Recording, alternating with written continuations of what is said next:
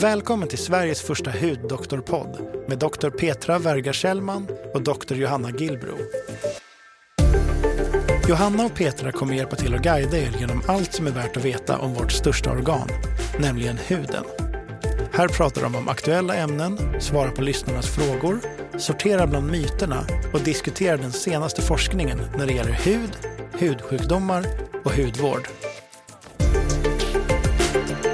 Den här podcasten presenteras i samarbete med Skinom och Diagnostiskt Centrum Hud. Dagens avsnitt handlar om masker. Allt ifrån sheet masks till munskydd. God morgon Johanna. God morgon, god morgon. Jag har suttit här i studion faktiskt i en halvtimme nu och inte riktigt kommit igång men eh, det känns ju lite banalt att sitta och prata om det som vi pratar om nu när det pågår, vad det pågår i världen. Ja, ja det, det får man ju faktiskt säga. Alla våra tankar till de som är drabbade på olika sätt och hoppas att det här väldigt snabbt får ett rimligt slut. Ja, det, mm. det är Idag, helt fruktansvärt vad ja. som pågår. Vad människor kan göra mot varandra. Mm.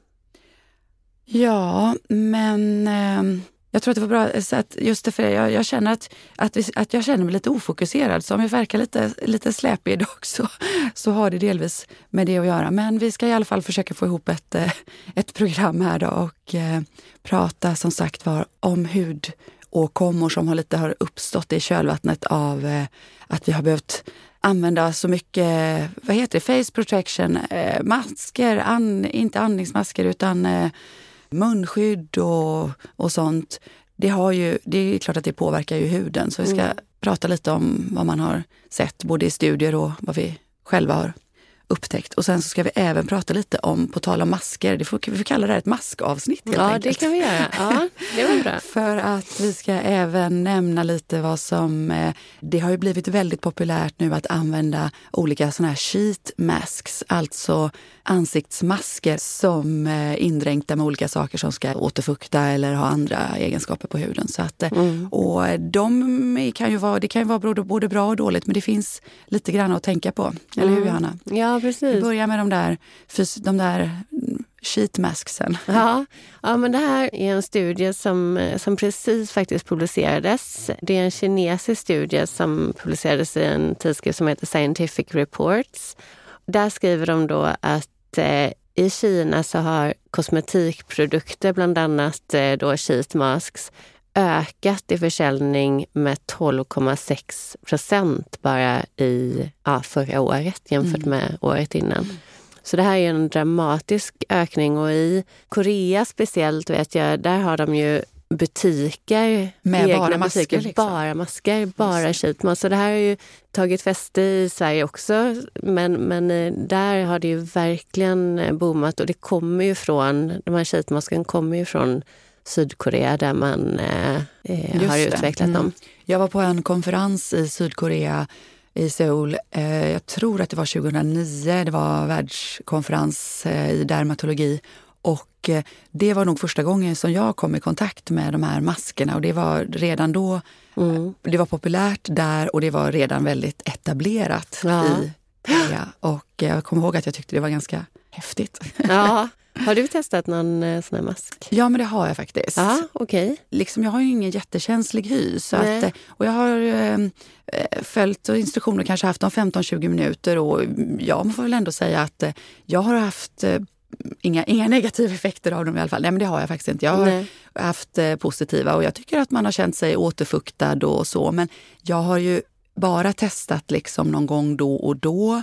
Jag är ju lite fundersam till om man kanske gör det här allt för ofta. Eller ja, det beror väl som vanligt på väldigt mycket vad man har för hudtyp mm. och givetvis vad det är för mask mm. och hur länge man har på den. Och, men att man inte kanske överanvänder massor av, massor, massor av saker hela tiden på sin hud. Precis. Vad tycker du? Har du prövat? Nej, jag har faktiskt inte. Ja, det är lite konstigt egentligen, men jag har ju inte gjort det baserat på vad, vad som finns i de här maskerna eller de här lösningarna som, som det är indränkt i. Och den här studien visar just det att eh, då har man gjort en ganska stor, ganska stor studie på 140 personer som då har fått ha på masken antingen 5, 10, 15, 20 eller 25 eller 30 minuter.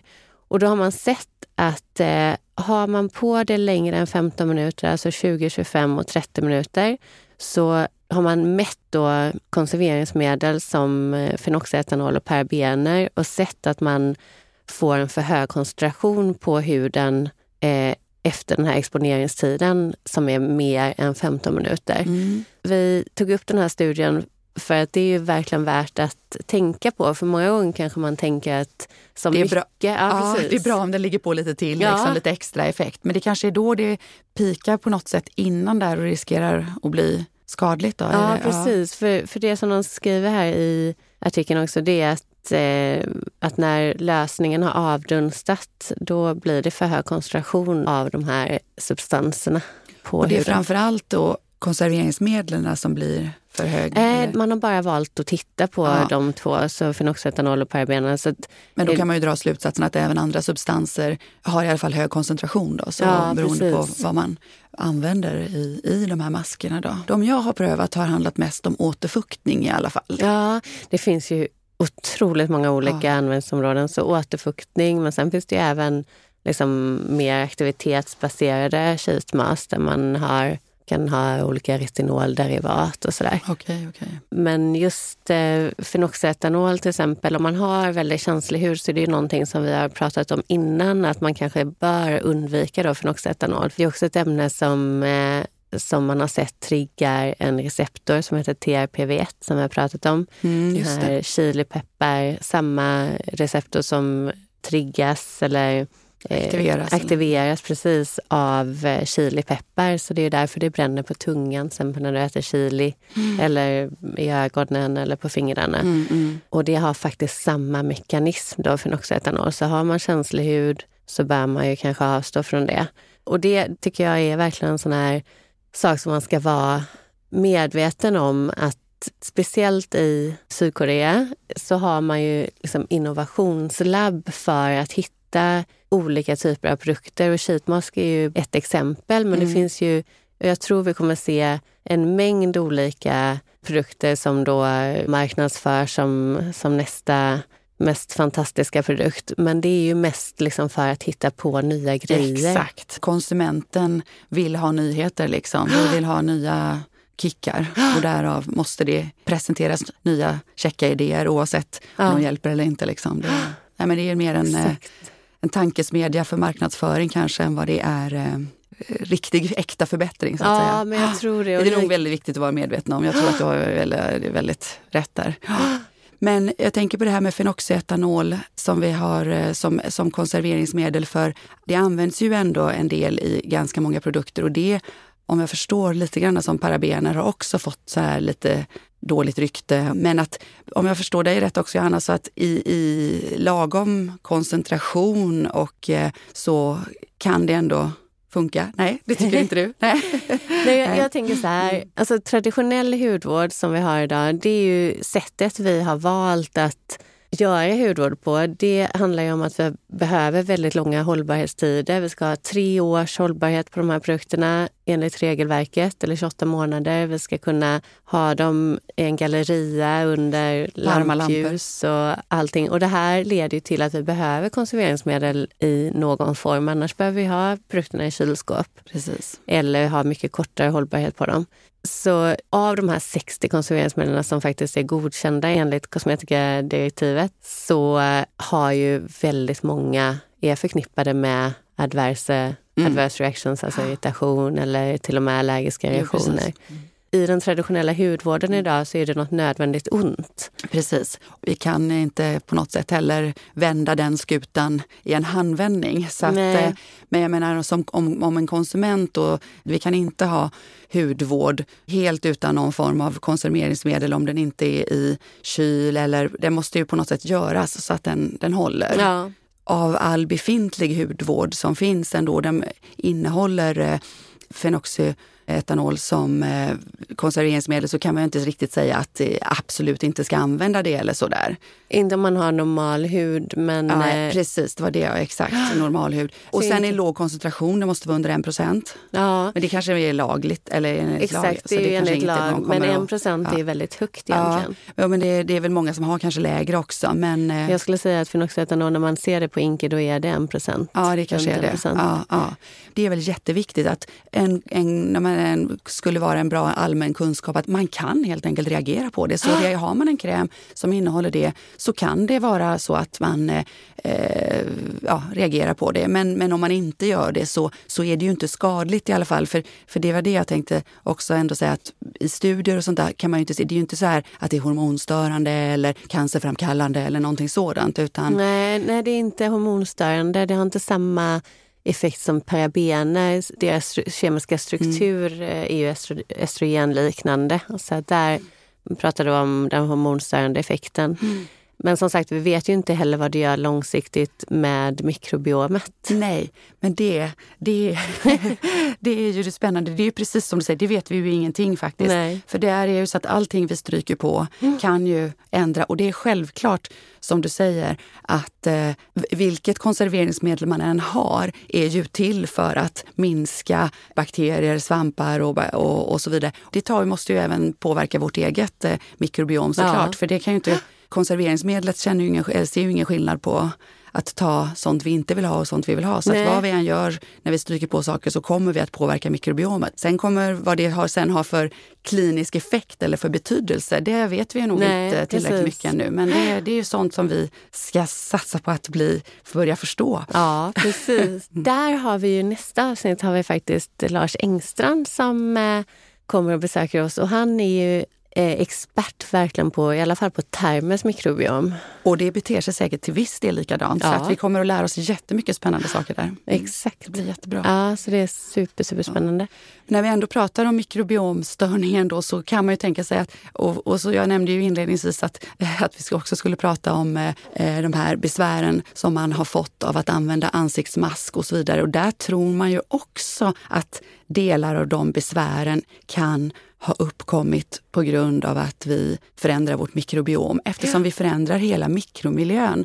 När vi har en mask på ansiktet i vad vet jag, sex, åtta timmar eller bara, även om så bara en timme åt gången i liksom flera timmar i sträck, så blir det ju varm, det blir en helt annan luftfuktighet. För vi har liksom, det vi andas ut stannar ju på något sätt under masken. Det blir en annan sannolikt syrehalt, koldioxidhalt. Det Ja. blir ren också, om man säger från själva masken, en form av nötning på huden som gör att, eh, att det ja, att, att jag kan tänka mig att hudytan och mikrobiomet ändras.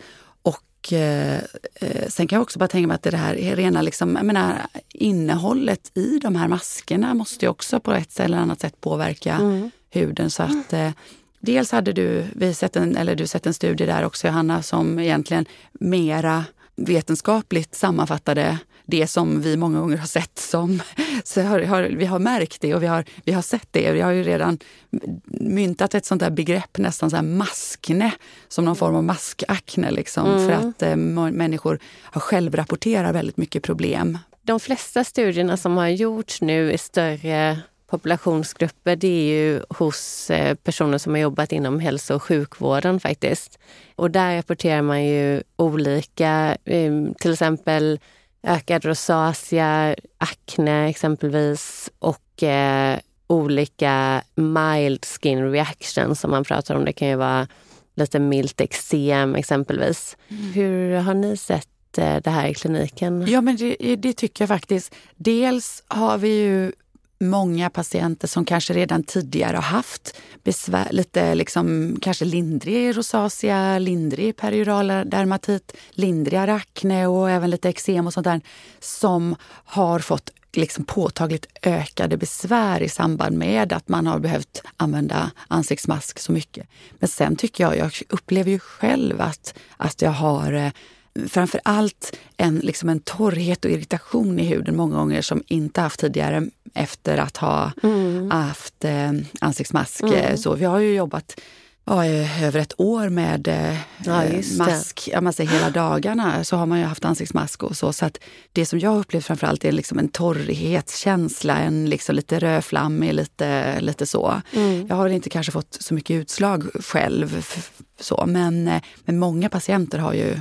sagt det. Så att, men det är inte så mycket att göra för det här vet vi ju. Här har, alltså, på något sätt är det ju så med hudbesvär, när man har en, en, en triggerfaktor som är väldigt uppenbar dessutom, då är det ju den första liksom, behandlingen är ju egentligen att försöka ta bort triggern. Sen går ju inte det alltid då utan och då har man ju bara fått intensifiera sin vanliga behandling många gånger. Liksom, att man fått, ja, Mm. för det, för vi vet ju på ett ungefär varför det upp- uppstår men eh, som sagt var, det är ungefär som att har man handeksem och måste hela tiden ha vattenkontakt så, så blir det ju svårt att läka handeksemen för att eh, du måste få bort vattenkontakten. Mm. Ja, Lite så, så att det här med att, att många hudsjukdomar eller hudtillstånd är ju just det här att minska triggerfaktorerna. ja. Och där är frågan om vad det är som... Man har ju sett att mikrobiomet ändå ändras Ja. under, under Masken. masken. Och Mm. det, det är antagligen på grund av att det blir mer fuktig miljö och sådär. Mm. Det,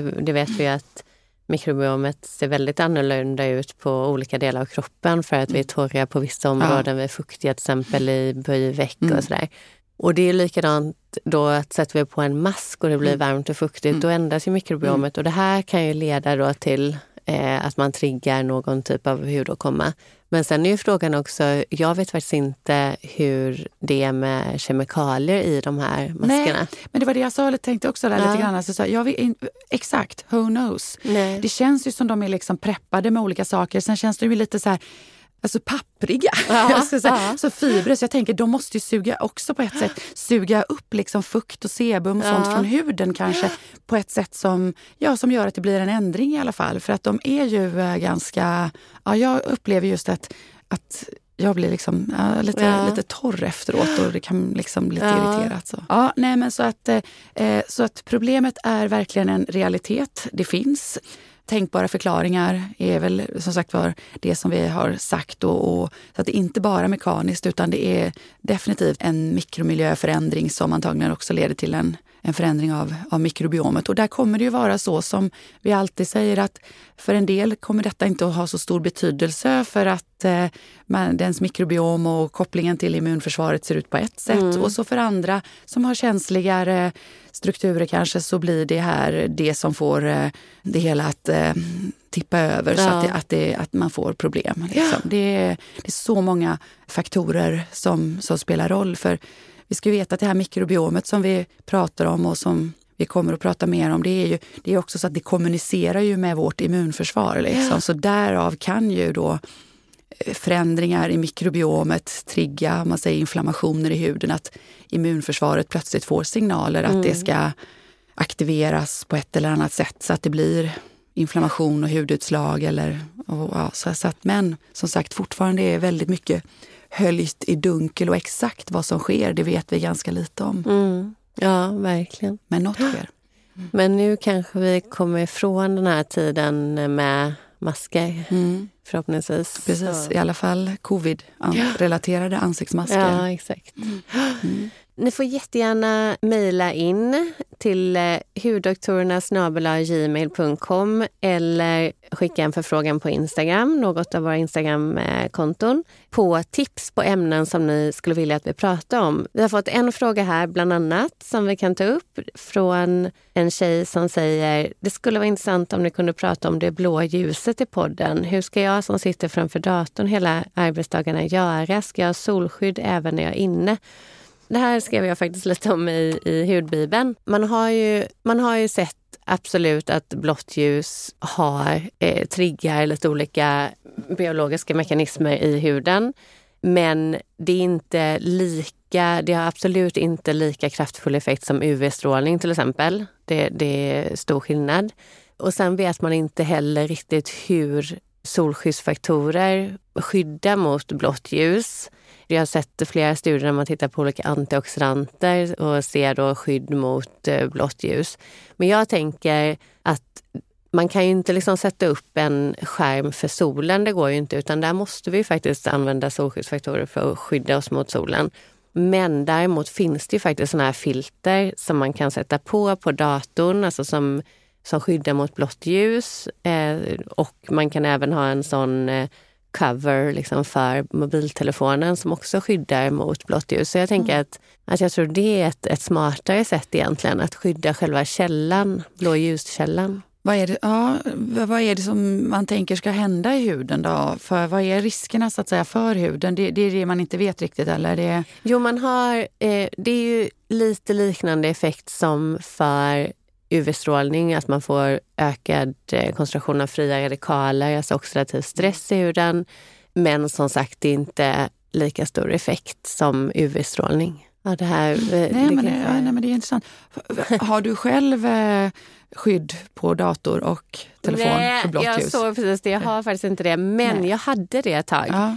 På min andra mm. dator. Nu har jag varit så dum så att jag inte har fört över det där filtret. Men det är som sagt ett filter som man kan bara sätta på. Mm på datorn, på själva skärmen och även på mobiltelefonen. Ah, ja. Nej, men det är väl så mycket vissa andra saker då att man, man, vill inte, man vet väl inte riktigt kanske hur stor effekt det har. Det, det, det, kanske, det har väl inte, precis som du själv säger, jättestor effekt Nej. eftersom då hade det varit mer uppenbart. Då hade vi märkt det, vi hade vetat om det, vi hade sett skadorna. Men det kanske, om det har en liten effekt så, och man vill liksom minimera den också så kanske man kan göra som du ja, säger. Exakt. Det verkar ju... De som har forskat på blått ljus, det är ju kosmetikbranschen. Mm, mm. För där vill man ju hitta liksom, marknadsföringsknep. Ja. Att ja. Eh, det här, den här, just den här produkten skyddar mot blått ljus. Mm. Och det är smart. Ja, man, man, skapa, man vill skapa ett behov helt mm, enkelt. Ja. Mm. Så att eh, ja, summa summarum kanske det, det vi, vi, vi ser inte att blått ljus är det största problemet i, i, när det gäller huden i alla fall. Nej, då är UV-strålning ja. betydligt mycket skadligare. Ja. Betydligt mycket. Mm. Och skydda källan är väl klokt då. Så slipper man ju egentligen hålla på och kladda eller liksom själv ha krämer och för ett, smeta på sig ytterligare saker som vi, som, vi, som vi kanske inte vet ens om de har effekt. Och två, alltså att det är svårt att veta som sagt var att har den här produkten ens, ens effekt och hur mäter vi det? Så att, ja. att sätta på någonting på själva källan är ju det absolut enklaste. Ja, jag, jag Bra tips. Johanna. Ja, men, men då ska vi... Eh, tack för oss idag ja, denna gång. Då ska vi gå till jobbet. Yes. Vi träffas ju väldigt tidigt på morgnarna här. Mm. Så det... Men nu är det ljust. För ja. några månader sedan så var det alldeles mörkt när vi satt här. Ja, det är, ja, väldigt det är faktiskt mm. Eh, härligt. Får hoppa om en ljusare vår och att, det är ett ljus, att, ja, att, att tiderna också inte... Ja. Att tiden också blir ljusare och inte så mörka som de ser ut just nu. Mm, mm. Verkligen. Ja, men ha en fin dag Petra så ses vi om någon vecka. Ja, Tack alla som har lyssnat. Tack. Hej. Hej.